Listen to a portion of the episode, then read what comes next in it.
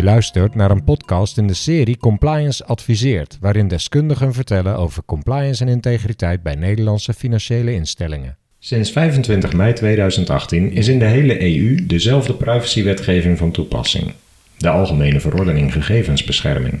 Twee jaar na invoering nam Compliance Adviseert een podcast op met Friederike van der Jacht van Hunter Legal. We bespraken de stand van zaken op dat moment. Inmiddels zijn we weer een jaar verder en praat Friederike ons graag bij over wat te leren valt van een aantal spannende boetes en andere privacy-gerelateerde voorvallen in de afgelopen periode, en dat zijn er veel geweest. Maar eerst bespreken we de vraag of privacy als aandachtsveld nog wel even relevant is voor compliance. De AVG bewoog organisaties ertoe om privacy officers en functionarissen gegevensbescherming aan te stellen. Is daarmee een afstand ontstaan tussen verschillende functionarissen? Waar ontmoeten privacy-gerelateerde kwesties en andere traditionele compliance-gerelateerde onderwerpen elkaar? Welkom Frederike. Goedemorgen Erik, leuk om er weer te zijn. Dank dat je weer wilt komen vertellen in onze podcast. En we beginnen direct met de eerste vraag. Hoe vaak zie je in jouw praktijk dat privacy niet meer valt onder de compliance officer, dus dat er een aparte functionaris voor is aangesteld? Nou, ik zie dat steeds vaker. Voor sommige bedrijven is het natuurlijk ook verplicht om zo'n FG te hebben. Uh, maar ik denk dat het ook goed is, omdat het privacygebied ontzettend breed is. En het belangrijk is dat je daar gewoon echt je volle aandacht aan kan uh, besteden. En uh, merk je dan dat er nu een afstand begint te ontstaan tussen privacy en andere compliance onderwerpen? Of, of tussen de compliance functionaris en de privacy functionaris? Nou, eigenlijk niet, omdat ik juist zie dat er wat meer tijd en aandacht is voor het onderwerp. Waardoor je wat kruisbestuiving krijgt uh, van mensen die natuurlijk heel veel ervaring al hebben met uh, compliance in het algemeen.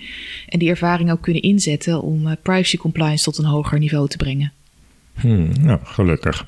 En op welke compliance gerelateerde onderwerpen, denk bijvoorbeeld aan naleving, MIFID, WWFT, WFT, maar ook andere onderwerpen, niet per se wetgeving gerelateerd, zoals gedrag en cultuur of het opstellen van een risk appetite, merk je dat privacy een belangrijker aspect is geworden van het werk van de compliance officer of de privacy functionaris. Is daar een verandering in, in te benoemen? Nou, ik denk met name dat de privacyregels serieuzer genomen worden. Um, ze worden ook wel eens verkeerd ingezet. Uh, je ziet toch wel dat mensen vaak het idee hebben dat er spanningen zijn tussen de WWFT en de AVG. Terwijl dat helemaal niet zo hoeft te zijn. Uh, de WWFT heeft bepaalde bewaarplichten van persoonsgegevens. En de AVG zegt je mag dingen niet te lang bewaren. En dat mensen dan hals over kop gegevens gaan vernietigen. Terwijl als er een wettelijke bewaartermijn ligt, je daar natuurlijk gewoon aan moet houden. En dat ook mag op basis van de AVG. Dus we zien wel dat daar veel vragen over ontstaan. Van hè, als ik nou dit doe, hou ik me dan nog wel aan die AVG. Dus daar ontbreekt het soms nog wel aan wat kennis. Dan heb je een ander voorbeeld van waar de AVG soms strijdig lijkt met andere wetgeving, maar dat misschien kun jij ons vertellen dat we ons daar niet zo zorgen over toe hoeven te maken. Nou, ik denk meer het punt dat we ons moeten blijven beseffen dat als iets juridisch mag op grond van de AVG, dat het nog altijd de vraag is of je het ethisch moet willen. We hebben een aantal jaar geleden discussie gezien over het commercieel gebruiken van klantgegevens. Wat je op basis van de AVG met toestemming best mag. Onder allerlei voorwaarden natuurlijk. Maar dat dan toch bij een heleboel mensen het idee ontstond: ik wil toch niet dat uh, mijn bankgegevens zomaar voor commerciële doeleinden worden gebruikt. En wat gebeurt daar allemaal? Ook al richt je het dan helemaal compliant in, dat er ook een bepaald gevoel kan ontstaan bij mensen waarvan ze denken: ja, ik ben hier zo afhankelijk van, wil ik dit wel? En dat die ethische toets toch ontzettend belangrijk blijft voor hoe iets ook overkomt in de markt. Ja, we hebben inderdaad bij PSD2 met name nieuwe betaaldiensten, ja. uh, toegang tot de bankrekening. Ja. En maar mensen wisten volgens mij ook lang niet dat ze zelf konden kiezen welke partij je toegang gaf. Het leek alsof de hele toegang tot de bankrekening automatisch geregeld zou gaan worden. Maar, Precies. Ja. En soms is dat ook een misverstand in de markt. En ja, moeten we daar met z'n allen ook aan werken om dat duidelijker te communiceren. En er wordt soms gewoon heel makkelijk gezegd: het mag niet vanwege de AVG. Terwijl heel veel dingen wel mogen, alleen moet je goed doen. En als het dan mag vanwege de AVG, moet je echt die ethische toets niet vergeten. Ja, ja, het lijkt soms ook wel alsof mensen een beetje ophouden zelf te denken als ze denken, ja, het is wettelijk geregeld, dus ik moet maar aan een wet houden en wat moet ik nou doen? Ja, en soms is het ook makkelijk om gewoon te zeggen dat iets niet mag. Ja. ja. Dan ben je van de discussie af. Ik zie het ook wel eens van de voetbalvereniging bijvoorbeeld langskomen. Ja, ja. je mag dit niet meer, je mag dat niet meer. Maar denk ik, waarom niet? Uh... Je kan het soms ook anders inrichten. Maar ja, dat kost tijd en energie. Dus uh, ja, daar, daar is denk ik nog wel wat te winnen. Ja, Kortom, privacy is nog wel een relevant onderwerp voor compliance afdeling of kan compliance dat gerust overlaten aan de privacyfunctionaris? Nou, ik denk dat ze altijd samen moeten werken. Ik denk dat het heel fijn is dat er een goede privacyfunctionaris is. Maar het zou zonde zijn om alle ervaring die op compliance afdeling is opgebouwd uh, weg te gooien. Je moet juist dat samen verder opbouwen en professionaliseren. Daar is echt uh, nog heel wat werk aan de winkel. Ja. We gaan het nu hebben over drie jaar AVG. En uh, we hebben niet de hele dag de tijd. Hey, jammer. en er is ontzettend veel gebeurd. En we gaan het eerst hebben over corona. Kun je ja. daar iets vertellen? Wat, hoe zit dat? Ja, ik weet niet of mensen nog iets over corona willen horen. maar uh, er is licht aan het eind van de tunnel. Maar dat heeft ook wat uh, implicaties. Want op een gegeven moment gaan we weer meer naar het werk toe. En dan is natuurlijk de vraag, ja, als werkgever, mag je dan mensen gaan testen? Mag je kijken of ze corona hebben of niet? En wat ben je dan eigenlijk aan het doen? Gezondheidsgegevens aan het verwerken. Nou, daarvan heeft de AP, de autoriteit, al gezegd: ja, dat kan niet zo, maar daar heb je als werkgever geen grondslag voor. Je moet een uitzondering hebben in de wet om die bijzondere gegevens, die gezondheidsgegevens, te mogen verwerken. Nou, die uitzondering is er momenteel niet.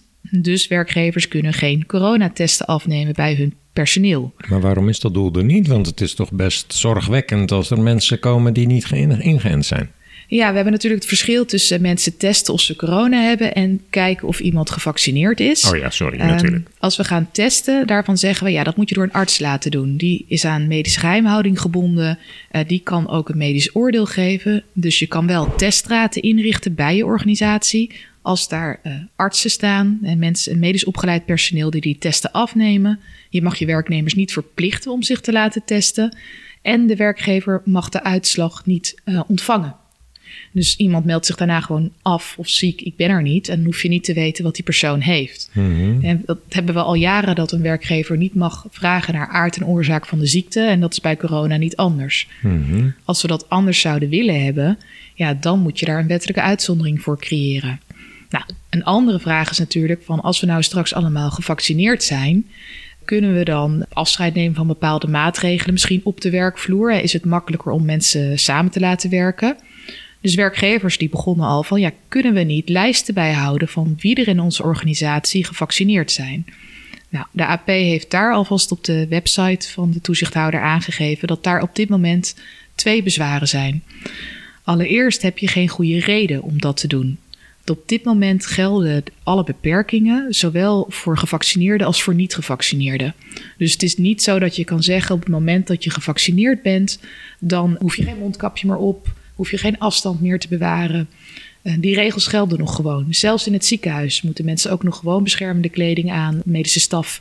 Daar wordt geen onderscheid in gemaakt. Dus dan heb je geen goed doel voor die registratie. Ja, dat is misschien ook wel logisch, want ik heb begrepen dat ook al ben je gevaccineerd, kun je nog wel iemand anders besmetten. Ja, dus... Daar hebben we nu nog geen zekerheid over op dit moment. Dus de APV zegt ja, het is een soort schijnveiligheid die je creëert door dan een lijst te maken. Je kan die werknemers niet anders behandelen dan je niet gevaccineerde werknemers. Hm. Dus dat doel voor die registratie ontbreekt. Hm. En daarnaast kom je dan ook weer bij het probleem van dat je gezondheidsgegevens aan het verwerken bent en daar geen wettelijke uitzondering voor is. Dus ja, daar hebben we nog wel, uh, wel wat problemen. En dit is natuurlijk niks nieuws. We zien het al langer de behoefte van werkgevers om uh, nou, mensen bijvoorbeeld te testen op alcoholgebruik hè, of op drugsgebruik. En daar hebben we het de vorige keer ook over gehad en uh, een korte update daarover is dat er wel wetgeving in de maak is die waarschijnlijk in het tweede kwartaal aanhangig wordt in de Tweede Kamer. Om onder bepaalde omstandigheden het toch mogelijk te maken om in ieder geval alcohol- en drugstesten af te nemen bij werknemers. Voor hele specifieke sectoren en als sluitpost van een goed alcohol- en drugsbeleid. Dus het is wel interessant om dat in de gaten te houden. Het had eigenlijk al aanhangig moeten zijn, maar door corona zijn die wetsvoorstellen vertraagd. Hadden ze maar moeten testen. Ja. ja. En het tweede punt, want daarmee hebben we corona volgens mij redelijk besproken. Of ja, er is natuurlijk meer over te zeggen. Hè. Temperaturen van werknemers, daar hebben we het al uh, eerder in de media veel over gezien. Heeft dat nou echt zin? Nou, dat is überhaupt de vraag. Hè. Of je cordyceps is maar één element van corona. Dat hoeft ook nog niet eens zo te zijn. Daar loopt nog een onderzoek van de AP naar twee bedrijven die uh, onrechtmatig hun werknemers hebben getemperatuurd. Nou, tegen de tijd dat de uitslag uh, van dat onderzoek komt, denk ik dat wij uh, al uit de coronacrisis zijn. Hmm, dus niet zo hmm. relevant. Ja. Zo zie je ook trouwens dat als je doelbinding vanuit de AVG nodig hebt dat het vaak ook lastig is om aan te tonen dat er werkelijk een doel voor is. Absoluut. Zeker omdat ja, dat temperatuur, het enige wat je daarmee kan doen, is mensen wegsturen en dan zeggen: ga je maar testen. Hm. En het gaat vooral om de registratie van die uh, temperatuur. En dan komen we natuurlijk bij het verwerken van die persoonsgegevens uh, in de knel. Van ja, dan ben je eigenlijk een soort ziekte-element weer aan het opschrijven. Hm. Bij uh, mijn tandarts krijg ik altijd zo'n uh, pistool op mijn voorhoofd. Uh, ja, ik, dat mag dus niet. Nou, kijk, het punt is natuurlijk: het is iets anders in de verhouding werkgever-werknemer dan bij een klant die een winkel binnenkomt. Hm. Maar dan nog is de vraag: ben je echt gegevens aan het verwerken? In het begin was de AP daar heel stellig over. Die zei: je verwerkt gegevens, punt. Naderhand hebben ze wel wat nuance aangebracht. Ze zeiden ja, het hangt er wel echt van af of je het in een bestand wordt opgenomen, of het geautomatiseerd verwerkt wordt. Hè. Als je puur alleen maar iemand een thermometer laat aflezen en jij doet daar zelf niks mee, ja, dan gebeurt er weinig. Mhm. Los daarvan, hè, of je het wel of niet ziet als het registreren van gegevens, heb ik echt wel sterke twijfels aan nut en noodzaak. Dus mhm. dan het doel van uh, dat jij bij de tandarts getemperatuurd wordt. Want ja, je weet niet of die thermometers goed geëikt zijn. Hmm. die, die komen ook overal nergens vandaan. Vervolgens de temperatuur is een momentopname. Die kan ook net wat hoger liggen. Op het moment dat je hard uh, gerend hebt op weg naar de tandartspraktijk. Dus het is ook een beetje schijnveiligheid versus ja, toch verwerken van informatie van iemand. Hmm. Ja. Het volgende onderwerp was uh, de beveiliging met, uh, en, en in combinatie met de datalekkenrapportages en de datalekken. Ja, daar is echt uh, veel gebeurd. Elk jaar publiceert de autoriteit persoonsgegevens rond maart een rapportage van de datalekken in het jaar daarvoor. Dus afgelopen maart verscheen een rapportage van het aantal datalekken over 2020. Nou, het blijkt dat er iets minder gemeld is. We hebben bijna 24.000 datalekken. Dat komt met name omdat er een probleem was bij uh, incassobureaus. Die verstuurden heel veel brieven met aanmaningen naar verkeerde adressen. Ja, in het jaar daarvoor dan, hè? Ja, in 2020. Dus hè, de rapportage in 2021 gaat over 2020. De procedure die fout ging, dat was in 2019. Ja, hè? dat dus bedoel ik, ja. De incassobureaus, uh, daar bleek daar bleken heel veel meldingen van binnen te komen. Nou, daar is de AP mee gaan praten van hè, wat gaat er nou mis? Hoe kan het nou dat er elke keer uh, verkeerde brieven worden verstuurd? Nou, daar is de procedure aangepast en dat heeft tot een paar duizend minder datalekmeldingen geleid. Dus daar heeft de AP echt actief met de branche contact gezocht om te kijken van nou, hoe voorkomen we nou dat dit misgaat? Uh, nou, bijna 24.000 datalekken is natuurlijk niet een substantiële daling van het aantal datalekken. En we zien ook nog steeds eigenlijk dezelfde tendens. Bijna 70% van de datalekken ziet op uh, het versturen van informatie aan de verkeerde ontvanger. Dus hè, de e-mail die naar de verkeerde uh, persoon toe gaat. En dat is al jaren hetzelfde. En de sectoren die het meest melden zijn ook, net als de voorgaande jaren, de overheid, de financiële sector en de medische sector, hè, de best gereguleerde sectoren. En de vraag blijft natuurlijk van, dit zijn echt niet alle datalekken die plaatsvinden in de markt. Het zijn er veel meer, maar het wordt niet allemaal gemeld. Ja, waarom gebeurt dat niet? Ik denk dat dat ook samenhangt met dat de AP maar eigenlijk heel weinig optreedt bij datalekmeldingen. Ze ondernemen wel actie, maar vaak is het telefonisch wat vragen stellen. En maar 0,03% van de datalekken in 2019 heeft geleid tot een onderzoek van de AP. Ook omdat de AP gewoon zegt, ja, we hebben toch wel een probleem met de capaciteit. Nu gaan ze natuurlijk meer budget krijgen dan, want we vinden dit belangrijk. Nee, minister Dekker zegt: Goh, er is een daling in het aantal datalekken, dus uh, we geven minder budget. Toch? Het is toch eigenlijk niet nodig? Ja, ik, ik, zie jou heel moeilijk kijken. ik keek ook. Uh, nou, dit is een verhaal dat, dat duurt al eeuwig. De AP wil meer geld. En ze willen dat omdat ze door de komst van de AVG natuurlijk veel meer werk hebben. Ze moeten veel meer klachten afhandelen. Uh, ze zijn soms ook de toezichthouder voor grensoverschrijdende overtredingen, dus grotere onderzoeken. Dus ze hebben budget nodig en daar vragen ze al heel lang om.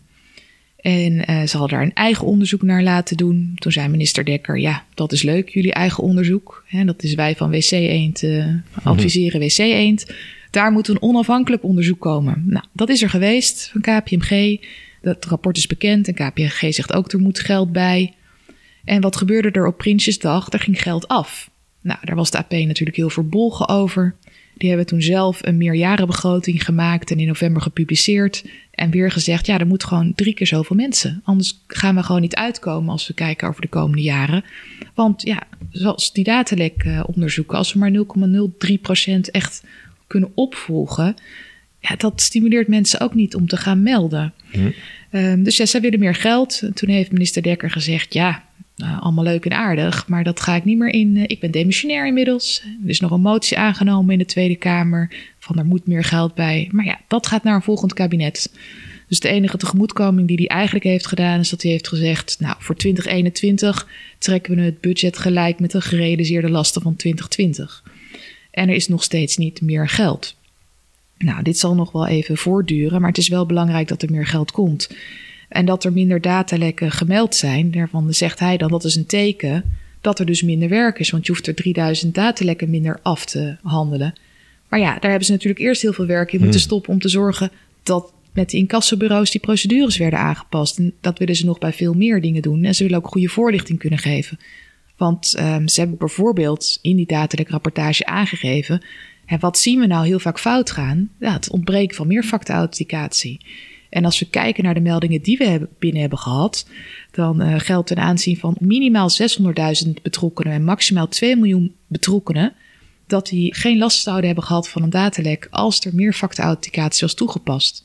Dus het hele rapportage zit vol met allemaal tips van hoe je meerfactorauthenticatie goed kan inrichten.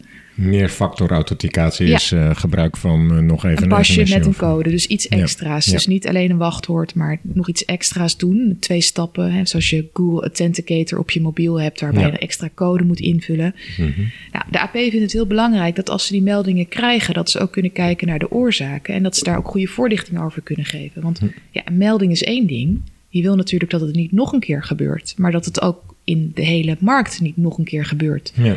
Als je eenvoudig iets op kan lossen door wat extra maatregelen, bereik je als toezichthouder veel meer dan tien individuele onderzoeken naar hetzelfde. En maar is het aan het AP om daar iets aan te doen, of is het meer aan de wetgever die moet opleggen dat daar gebruik van moet? Het staat eigenlijk al in de AVG, of nou, Het, wat er in de AVG staat, hè, artikel 32, dat je passende technische en organisatorische maatregelen moet nemen. Hmm, dat is nog redelijk breed. Dat is een open norm en dat is gedaan omdat we technologie neutraal willen schrijven. Want als wij in de wet zetten, ja, je moet meer factorauthenticatie doen, dan doen bedrijven niet meer dan meer factorauthenticatie. Hmm. Uh, terwijl ja, wat nu een gepaste beveiligingsmaatregel is, hoeft dat over een half jaar niet meer te zijn. Door ontwikkelingen in nou, cybercriminelen die steeds handiger worden.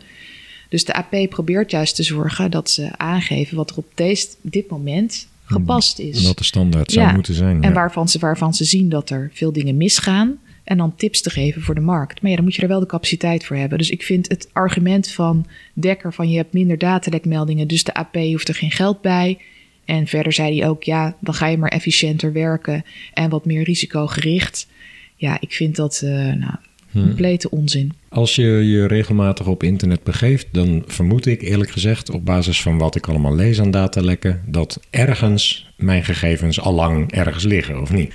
Dat denk ik ook. Als ik ooit een kabeltje heb besteld bij alle kabels of uh, bij de GGD heb laten testen, dan... Ja, we zien daar de laatste tijd natuurlijk uh, echt al een aantal hele grote datalekken bij de GGD. Dan zie je ook ja, wat met spoed allemaal in zo'n systeem uh, gaan werken. En dat zo'n oud systeem dat vaak helemaal niet aan kan. Maar ook ja, domme fouten, zo'n, dat er nog een printfunctionaliteit open staat. Ja, werd ook wel heel makkelijk gemaakt om daar iets te gaan doen. Maar ja, bij heel veel bedrijven kunnen dit soort dingen gebeuren. Een heel belangrijk element, bijvoorbeeld we hebben een heel groot datalek gezien bij RDC. Uh, Zo'n bedrijf dat allerlei afspraken bijhoudt voor APK-keuringen in garages. Ongelooflijk veel data gelekt. En wat bleek, daar stonden afspraken in, garageafspraken van 10 jaar oud. Hm. Ja, waarom stonden die daar überhaupt nog in? Hm. goede dataretentie blijft toch heel erg belangrijk. Er waren veel minder mensen geraakt op het moment dat die data er niet meer waren geweest. Er was ook geen reden om die data nog te hebben. Ja, dat was die casus dat er een bestand op internet gewoon te vinden was met welke auto je op welke adres hebt staan. En, dus Erik, die uh, Porsche die jij hier voor de deur hebt staan, ik weet niet of die er vanavond nog wel staat hoor. Nou, ik zet eh, hem meestal verderop op toe. Ah, gelukkig, want uh, ja, dat stond er gewoon allemaal in. Naam, type auto, ja, dat is natuurlijk een goudmijn. Ja. Ja, en dat is een van de redenen waarom het toch wel heel belangrijk is om dit goed te beveiligen en deze data lekker tegen te gaan. Ja, en dat zie je bij de GGD natuurlijk heel gevoelige informatie, coronatestuitslagen, adresgegevens, BSN van bekende Nederlanders. Ja, het gaat wel echt ergens over. Absoluut. Boetes. Ja, boetes. Jij zei, uh, nou, we moeten maar een paar leuke boetes bespreken. En we bleven de laatste weken appen, want ze bleven maar vallen. Ja. Dus we hebben een, uh, een paar eruit gepikt, gericht op Nederland. Want er zijn natuurlijk op Europees niveau nog veel meer boetes. Maar we moeten kiezen in deze podcast. En wilde het eerst even hebben over het Haga ziekenhuis. Die hebben we de vorige keer behandeld. Dat was de zaak van uh, Barbie, de Barbie-case van Samantha de Jong. Hmm. Met wie het al uh, heel lang niet goed gaat en nu recentelijk helaas weer niet goed gaat. Maar zij is een aantal jaar geleden in het Hagen ziekenhuis beland, vermoedelijk na een uh, zelfmoordpoging. En toen bleek dat er eh, meer dan 100 mensen die helemaal niets met haar behandeling te maken hadden in haar medische dossier hadden zitten snuffelen. Patiëntendossiers die waren daar niet goed beveiligd, geen goede logging. Ehm, nou, dat is dan eigenlijk een datalek. Als mensen zomaar onbevoegd uh, toegang kunnen krijgen. Dus het Haga heeft dat ook gemeld bij de AP. En dat heeft toen geleid tot de eerste grote boete op dat gebied. En wanneer kwam die boete? Oeh, dat is de zomer geweest van 2019. Uh. Ja, en waarom behandelen we hem nu dan? Nou, waarom behandelen we hem nu? Dat, uh, ja, is het nog relevant? Het is relevant omdat hij is aangevochten. Dus het Haga ziekenhuis is in bezwaar gegaan bij de AP en uiteindelijk uh, kwamen ze bij de rechter terecht. En de rechter heeft nog een keer naar die boete gekeken en die heeft gezegd, ja, 460.000 euro was er destijds opgelegd. Best wat ophef over van dan heb je de eerste AVG-boete en dan gaat hij naar een ziekenhuis. En gaat ook ten koste van zorggelden. Ja. Toen is er nog eens goed gekeken naar de rechter, is die boete wel redelijk? En de rechter heeft gezegd, nou ja, de basisboete voor deze overtreding was 310.000 euro. En de AP heeft daar 150.000 euro extra gedaan, dus geplust vanwege allerlei omstandigheden. Hè? Omdat het een heel ernstige overtreding was, maar ook omdat eh, de AP vond dat er sprake was van nalatigheid. Want beveiliging die had al lang op orde moeten zijn bij het Hagen ziekenhuis. En dat had niet nu naar buiten moeten komen via dat datalek. Nou, en daarvan heeft de, de rechter gezegd van hey, die twee keer verhoging, 75.000 voor de ernst en 75.000 voor de nalatigheid, die 150.000 in totaal, dat vind ik te veel. En die heeft dat teruggebracht tot een verhoging van 40.000, waardoor de uiteindelijke boete op 350.000 euro is uitgekomen. helaas is de onderbouwing waarom 40.000 dan wel heel redelijk is, niet super duidelijk. Dus ja, daar valt nog wel wat op af te dingen. Maar ik denk dat het Hagen ziekenhuis er blij mee is met de matiging. Ik vraag me wel af of uh, de juridische kosten die ze hebben gemaakt voor dit hele traject, of dat het waard is geweest. Ja, en, en wat Barbie ervan vindt natuurlijk. Ja. helaas kunnen we dat dus nu weer niet aan haar vragen, want ze ligt momenteel weer in het ziekenhuis. dus ik hoop, niet, ik hoop niet in het Hagen voor haar dan deze keer. Nee. en andere datalekken. Andere issues uh, die samenhangen met beveiliging, uh, nou, die medische dossiers die uh, makkelijk toegankelijk waren, dat was een probleem dat niet alleen bij het Haga speelde, maar ook bij het OVG, het ziekenhuis in Amsterdam. Dat kwam aan het licht omdat werkstudenten uit de school klapten, onder meer in een interview in de media, dat als zij voor bepaalde afdelingen dossiers moesten bijwerken, dat ze eigenlijk de patiëntendossiers van alle afdelingen konden zien. En dat er dan ook wel eens in de koffiepauze met elkaar over werd gebabbeld over alle ranzige dingen die ze daarin hadden gezien. Nou, daar waren de autorisaties dus ook niet goed op orde. Beveiliging was niet goed op orde. Werd ook niet goed gelogd. En dat heeft geleid tot een boete van 440.000 euro. Dat is wel weer een, een, flinke boete. Ja, ligt een beetje in de lijn van, ja. Ja, nou ja, en dan gaan we door. Die beveiliging en, dat, en datalekken. Waarom hebben we nou eigenlijk die datalekmeldplicht? Erik, vertel eens, waarom hebben we die datalekmeldplicht? Waar, nou. Waarom denk je dat we dat nou eigenlijk aan het doen zijn? Ik, uh... ik draai hem gewoon om. Leuk zo'n podcast. Goed, dan uh, schakelen we nu over naar... Kom net even reclame tussendoor. Oh nee. Waarom hebben we die datameldplicht? Ja, om te voorkomen dat, uh, om te leren van fouten, om te bestraffen, denk ik. Ja. En, maar vooral om te voorkomen dat het nog een keer gebeurt, lijkt mij. Ja, en om schade te voorkomen. Dus, en we hebben dan een termijn van 72 uur om een ernstig datalek te melden bij de AP. Juist omdat in die eerste uren kan je natuurlijk heel veel doen. Als je ziet dat uh, wachtwoorden zijn uitgelekt, dan kan je meteen allerlei accounts dichtzetten. Je kan mensen waarschuwen. Maar doet de AP daar dan ook nog wat aan dan? Nee, in principe is het natuurlijk dat jij als verantwoordelijke gaat melden bij de AP binnen 72 uur. En als het ernstig is, ook aan de betrokkenen. Ja. Je kan zeggen, ik vind dat het wel ernstig is, maar de gegevens waren goed versleuteld. Dus ik meld het niet aan de betrokkenen. Maar daar gaat de AP dan een oordeel over geven. Die gaat kijken, is dat wel zo? Dus die snelheid van handelen is ontzettend belangrijk, omdat je dan ja, de schade zoveel mogelijk kan beperken. Nou, dan hebben we Booking. Booking heeft een uh, boete gehad van 475.000 euro.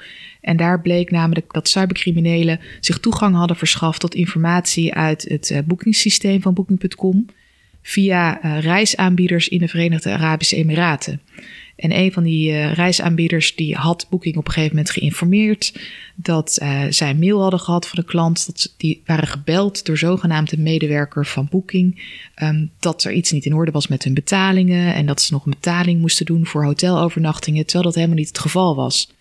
Nou, wat bleek, er waren dus inloggegevens afgetroggeld tot die systemen. En van meer dan 4000 mensen waren gegevens verkregen. En van een paar honderd ook hun creditcard. En van bijna 100 ook die CVC-code. Die code die je dan in moet vullen, ja. uh, die op de achterkant van je creditcard staat. Gratis reizen. Ja, absoluut. Hm. Nou, er waren twee meldingen bij uh, Booking gekomen vanuit de Verenigde Arabische Emiraten. Van zo'n trip-aanbieder. Uh, die zei van ja, dit gaat echt niet goed. Nou, dat is even blijven liggen. Toen heeft het security team het opgepakt. Maar allemaal eigenlijk heeft dat veel te lang geduurd. Want op 9 januari kwam de eerste melding van die trip provider van het gaat niet goed. Toen op 13 januari kwam er weer een mailtje van ja, ik krijg weer iets raars. En toen is pas 31 januari het security team betrokken. Om überhaupt te gaan onderzoeken wat er aan de hand was. Toen had er al lang gemeld moeten zijn ook. Toen had er, als het inderdaad een ernstig datadek was, wat, waar het alle schijn van had, had je het al moeten melden. Nou, en uiteindelijk zei het security team, nou, dit, dit is helemaal niet goed en er is een probleem. 4 februari zijn de betrokkenen geïnformeerd en het privacy team. En pas op 7 februari is het gemeld bij de autoriteit persoonsgegevens door het privacy team. Dus het privacy team heeft al snel gehandeld, echt binnen een paar dagen nadat ze de informatie kregen. Maar ja, wat zegt de AP? 72 uur na ontdekking, nadat je redelijkerwijs kan vermoeden dat er een datalek is. Mm -hmm. En zij zeiden, ja, 13 januari, wist je dat toch wel, toen je die tweede mail had gehad? Was er toch wel iets ernstigs aan de hand. Aanleiding om eens verder te gaan kijken. Ja. Dus jullie hebben ook een interne procedure waarin staat dat het meteen doorgaat naar het security team. Dat heb je twee weken niet gedaan. Toen ja. is het niet snel bij het privacy team uh, terechtgekomen. Dus het is een zaak waar je heel veel uit kan leren. Je kan eruit leren van, nou, heb ik mijn interne procedure wel op orde? Hè, kijk daar nog eens goed naar. Want je kan je er niet achter verschuilen. De AP heeft ook weer aangegeven, als je nog niet helemaal zeker bent of het een meldingsplichtig datalek is, je kan altijd een voorlopige melding doen en die weer intrekken.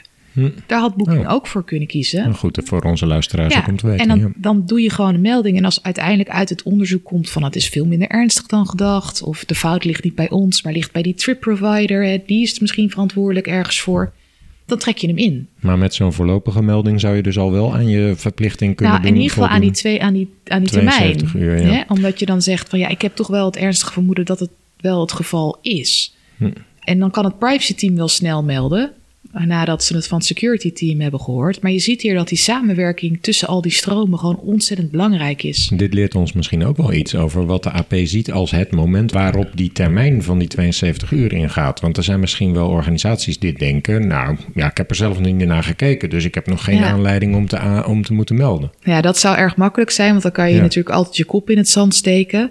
Het is duidelijk dat je kort onderzoek mag doen, maar zodra je eigenlijk uit het onderzoek toch wel het vermoeden hebt dat het mis zit, dan moet je gewoon gaan melden. Ja. En we hebben daar richtsnoeren op Europees niveau uit 2018 over. En er zijn nu nog nieuwe rechtsnoeren in concept die nog wat meer zien op met name ransomware situaties, omdat we die aanvallen natuurlijk veel vaker zien de laatste tijd. Um, en die richtsnoeren zijn nog niet finaal, maar hm. die komen er wel aan. Die zijn interessant ook. Ja, ja. die zijn zeker interessant om uh, te lezen, om te vergelijken met voorbeelden die gebeuren in jouw organisatie.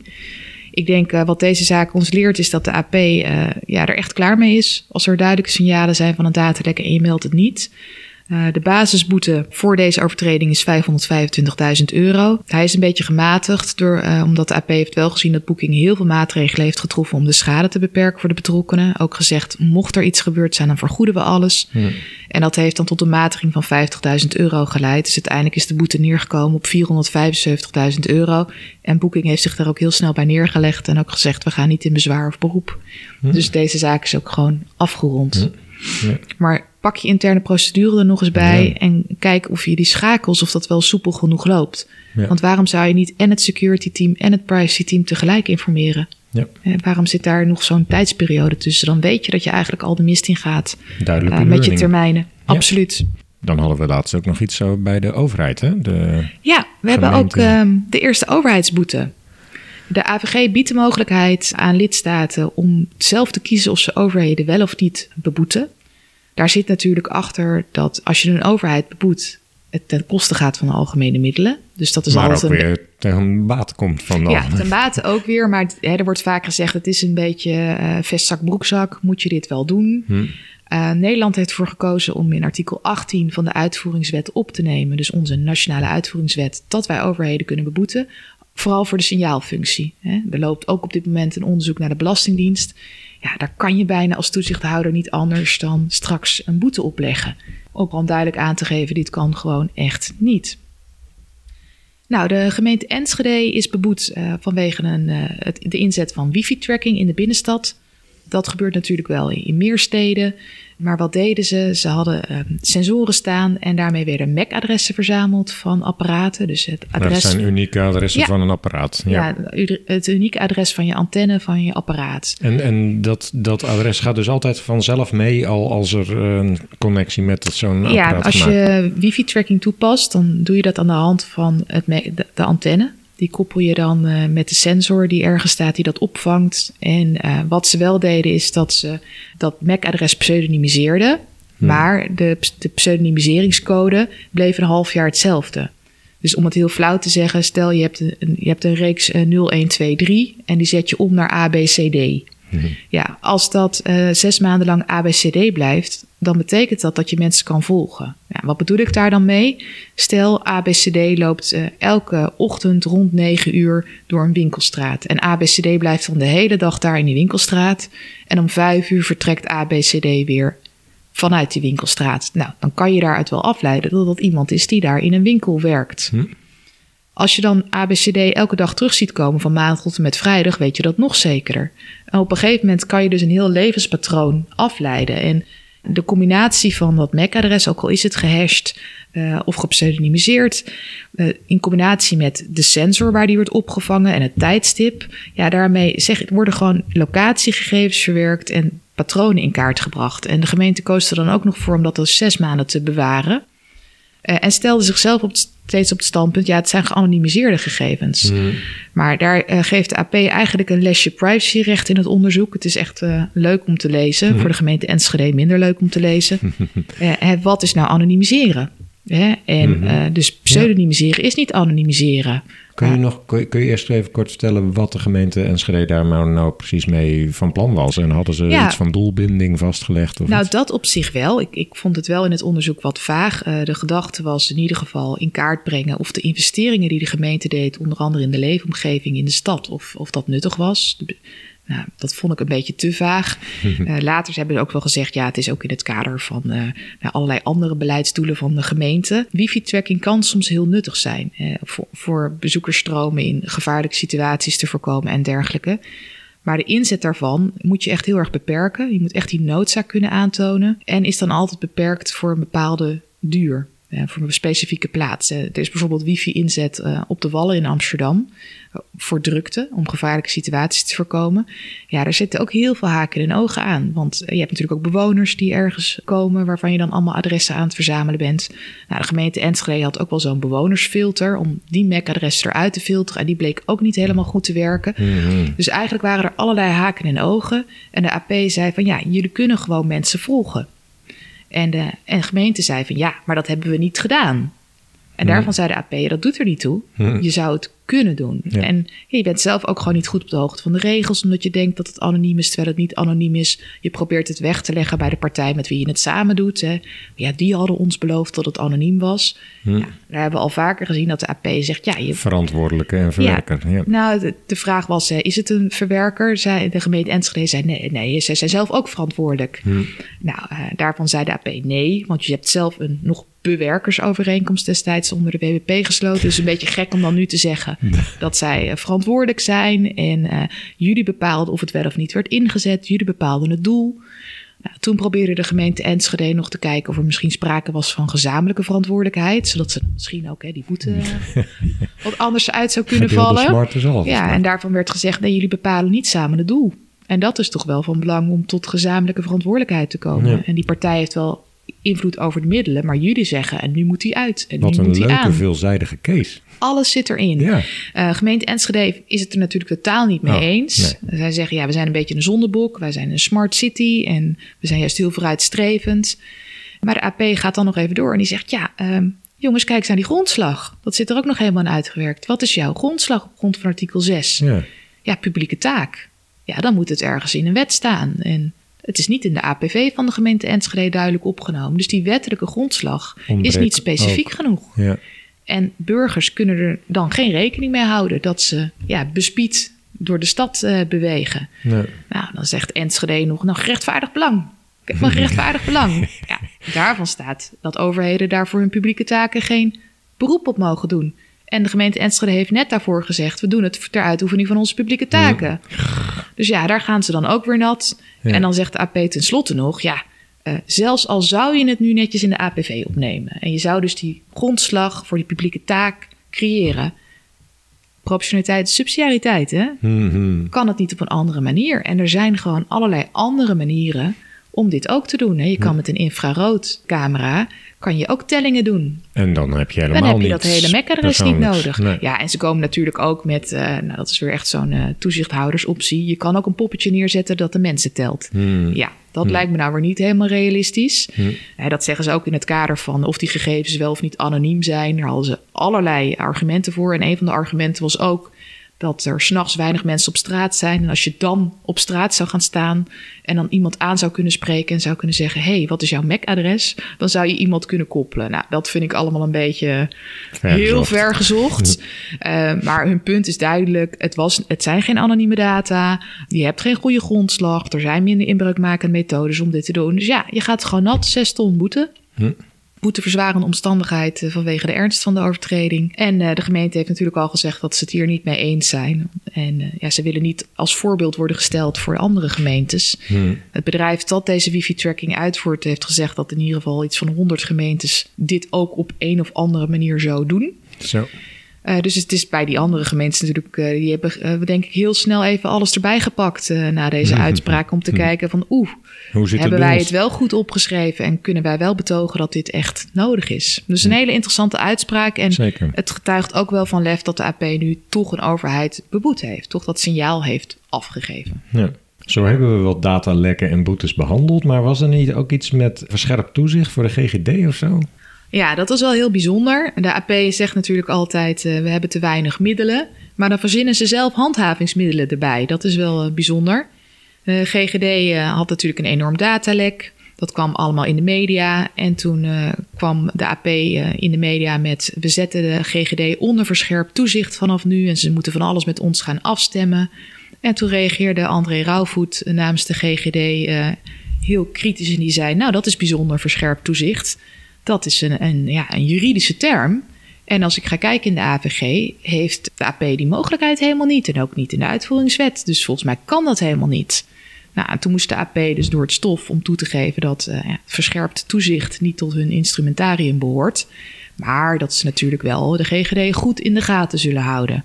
Dus ja, soms moeten ze een beetje opletten met eh, hoe ze dingen in de Wat media communiceren. Absoluut. Ja. Ja. Scherp van eh Rauwvoet dan. Ja, ik vond het. eh, hij had heel erg mooi spitsvondig gereageerd. hij had ook gezegd: ja, eh, als de AP langs wil komen, ze zijn op elk moment welkom. ik, ik had eraan toe willen voegen: de koffie staat klaar. Ja. nou, de koffie staat niet klaar bij de Big Tech, geloof ik, hè? Of in Ierland. Vertel eens, hoe zit dat? Ja, daar is natuurlijk een discussie eh, al wel langer gaande dat eh, de big tech, de hoofdkantoren in Europa zitten met name in Ierland. Eh, daar zit Twitter, daar zit Facebook en daar zit sinds kort ook TikTok met de Europese vestiging. En dat betekent in het systeem dat we hebben opgetuigd in de AVG dat de eerste toezichthouder bij grensoverschrijdende schendingen van de AVG bevoegd is om op te treden. En daar is heel veel kritiek op, want die eerste toezichthouder is net als de AP echt zwaar onderbezet. We hebben het dan over nog geen 200 mensen die toezicht moeten houden op die grote techbedrijven. Ja, dat kan je dus bijna niet serieus noemen. De eerste toezichthouder heeft tot nu toe één boete opgelegd aan Twitter vanwege een datalek. Uh, en die is uitgekomen op 4,5 ton. En daar zag je al hoe het ook misging onderling in Europa. Want dat was zo'n grensoverschrijdend conflict. Dus Ierland nam de leiding, maar moest ook de andere toezichthouders betrekken, waaronder Duitsland. En Ierland kwam dan met een, nou ja, eigenlijk een eerste rapport van hoe zij dat wilden gaan doen. En daar mochten de andere toezichthouders input op geven. En Duitsland zei: Ja, die boetes die jullie willen opleggen, nou, wij vinden dat er wel 22 miljoen mag worden opgelegd. En dan zie je dus hoe ver toezichthouders uit elkaar liggen. En dat dan juist in Ierland een vrij gematigde toezichthouder zit. Ja, dat werkt niet goed. Dat is dat de reden waarom ze naar Ierland gaan, die Big Tech? Ja, destijds was de toezichthouder daar helemaal niet zo actief al, nog voor de AVG. Dus toen is de eerste vestiging al begonnen. Hm. En als je dan en een positief belastingklimaat hebt en privacy technisch ja, er niet heel erg bovenop zit ja, dan uh, is dat wel aantrekkelijk. En natuurlijk verdedigt Ierland zich wel. Hè? En de eerste toezichthouder zegt: we doen wat we kunnen. En er zit heel veel in de pijplijn en onderzoeken. Maar ja, het duurt gewoon te lang. Nog een andere invalshoek voor die big tech. Ik hoor uh, bij BNR Nieuwsradio laatst een uh, uit item. Daar werd verteld dat bedrijven vooral ook echt, en met name multinationals in een squeeze zitten. Die gebruiken bijvoorbeeld producten als Microsoft. Nou, wie niet, zou ik bijna willen zeggen.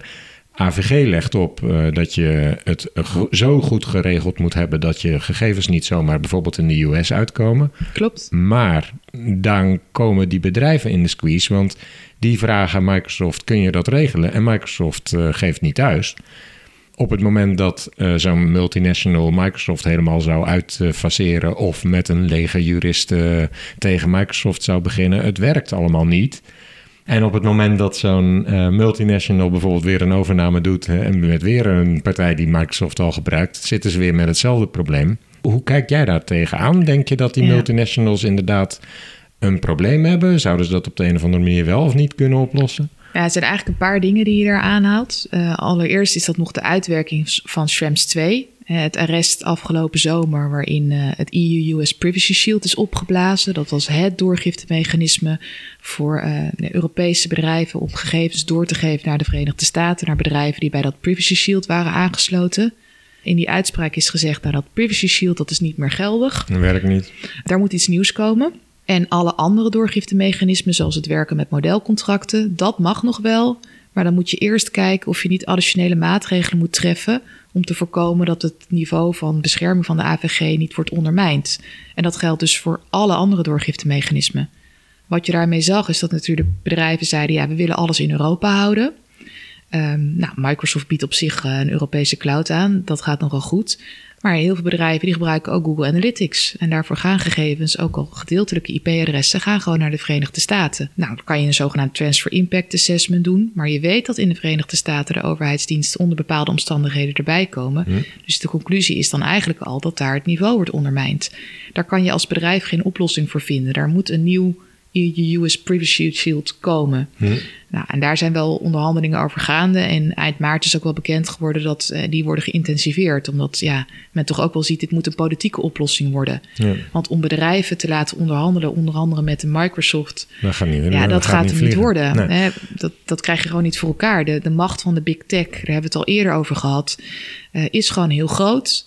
En op Europees niveau zijn er ook zorgen over. Eh, het is ook bij de evaluatie van de AVG besproken. Van, hè, moeten we niet kijken dat we onszelf uh, nou, sterker kunnen positioneren.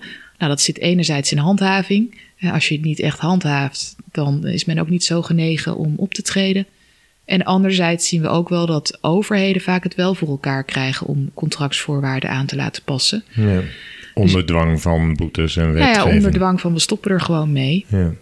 Um, hoewel dat niet altijd mogelijk is hè, in de praktijk. Nee, ik begreep dat er ook initiatieven waren om te zoeken naar alternatieven voor die big tech uit Amerika. Dat er dus dat soort partijen in Europa onder de Europese wetgeving dit soort dingen zouden ontwikkelen. Maar ook dat is weinig kansrijk, begreep ik. Ja, ik denk dat je niet zomaar een big tech bedrijf uit de grond nee. stampt. En dat we ook geen boter op ons hoofd moeten hebben. Dat wij ook uh, nationale inlichtingendiensten hebben die onder bepaalde omstandigheden voor overheden in de data uh, kunnen. En natuurlijk uh, proberen we dat te beperken en mag dat niet onbeperkt zijn. Uh, maar dat probleem speelt natuurlijk overal. En als je nu kijkt naar Schrems 2, dan zeg je feitelijk ja, naar elk niet-democratisch land kan je geen gegevens meer doorgeven, want je weet dat daar een risico is dat de overheid erbij kan. En ja, de additionele maatregelen zijn dan bijvoorbeeld encryptie, maar soms is dat geen optie voor de data. Als er nog analyses op moeten plaatsvinden die dan niet plaats kunnen vinden omdat de data geëncrypt zijn. Dus het is echt een beetje zoeken. Wat zou jij luisteraars of bedrijven in Nederland adviseren op dit vlak? Nou ja, ik, ik denk dat uh, het makkelijkste is wat je in Europa kan houden, hou dat in Europa. Daar voorkom je gewoon een heleboel mee. Dus dan moet je beginnen met helemaal door te akkeren nou, wat dat, voor dat systemen zou je officieel sowieso al Ja, moeten al weten. hè? Want je hebt een ja. register waarin staat of je dingen wel of niet doorgeeft uh, buiten Europa. Mhm. Um, ja, en die transfer impact assessments, die zijn natuurlijk heel erg uh, time consuming. Als je echt van elk land moet gaan vragen welke wetgeving heb je nou. En we zien in de praktijk dat veel grote niet-Europese partijen al wel statements afgeven met wat zij allemaal aan additionele maatregelen bieden om toch compliant te zijn. Hm. Het is natuurlijk lastig of als je dat weer voor een rechter zou leggen of dat afdoende is. En we zien nu een beetje de angst ontstaan. We hebben de Duitse toezichthouder gezien. Die heeft een bedrijf aangesproken omdat die uh, Mailchimp gebruikte, zo'n nieuwsbriefprovider. en Mailchimp deelt gegevens met de Verenigde Staten. En toen heeft de Duitse, een van de Duitse toezichthouders eens onderzoek gaan doen. Ja, dat bedrijf koos eieren voor zijn geld. Die stapte over op een andere dienst. Ja. En dus het is niet zo dat ze hebben gekeken, kunnen we het met Mailchimp aanpassen. Maar gewoon hebben gezegd, oeh, Hm. we staan nu op de radar. We kijken wel even naar iets anders. Soms ook wel Soms kan dat, hè? Ja. Dat kan niet altijd. Nee. Welke relevante ontwikkelingen verwacht je de komende tijd nog op het eh, vlak van privacy en AVG? En... Ik verwacht nog veel meer boetes. We weten dat er een aantal boetes in de pijplijn zitten. En onderzoeken van de AP eh, kosten veel tijd. Uh, dus ik verwacht dat de komende tijd echt nog wel wat boetes boven komen. De massaschadeclaimprocedures gaan een vlucht nemen. We zien dat die echt beginnen. Uh, deze zomer Oracle Salesforce gestart. En er komen er ook nog een aantal aan. En dat, dat kan omdat we de WAMKA hebben, de wet afwikkeling massaschade en collectieve acties.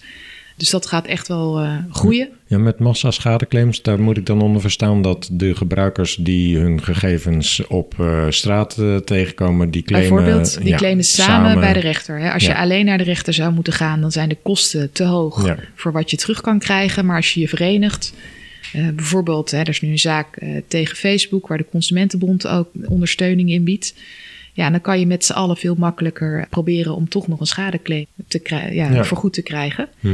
En de uitvoeringswet wordt geëvalueerd. Dus de uitvoeringswet AVG. En die moet op 25 mei 2021 geëvalueerd zijn. Dat zal ook tot wat wijzigingen weer leiden in wetgeving. Dus ja, daar komt echt genoeg aan. Gebeurt die evaluatie alleen op Europees niveau of ook in Nederland? Nou, op Europees niveau hebben we de AVG-evaluatie vorig jaar gehad. De uitvoeringswet is een nationale wet, dus die wordt nu op nationaal niveau geëvalueerd. Juist. Ja. Tot slot, aanhakend op de titel van deze podcast, wat ik elke podcast vraag, heb je nog een belangrijk advies voor onze luisteraars? Het is altijd een beetje moeilijk. Ik blijf toch vasthouden aan mijn uh, baby steps doctrine. Dat je in ieder geval iets moet doen.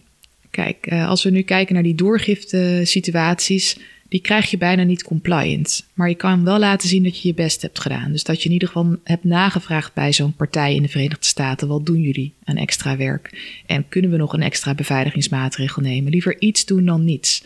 Laten zien dat je ermee bezig bent en dat goed documenteren. Ik denk dat dat heel erg helpt. En verder ook uh, praktisch blijven. Dus kijken van nou, wat kunnen we nu wel al oppakken en wat niet. En laten we in ieder geval stapjes zetten. En dan langzaam word je steeds meer compliant. Hartelijk dank voor alle informatie. Ik vond het heel boeiend. En uh, nou, als er weer eens een privacy onderwerp is, mag ik je dan weer vragen? Uiteraard, ik kijk er al naar uit, Erik. Dankjewel uh, voor de uitnodiging om weer te komen. Dank dat je luisterde naar Compliance Adviseert. Heb je met plezier geluisterd? Volg dan op LinkedIn de pagina van Compliance Adviseert. Heb je een vraag of aanvulling? Laat dan ook even een reactie achter op de LinkedIn-pagina. Ik zal het met plezier lezen en wellicht kunnen we op die manier nog meer compliance kennis delen. Heel graag tot de volgende podcast.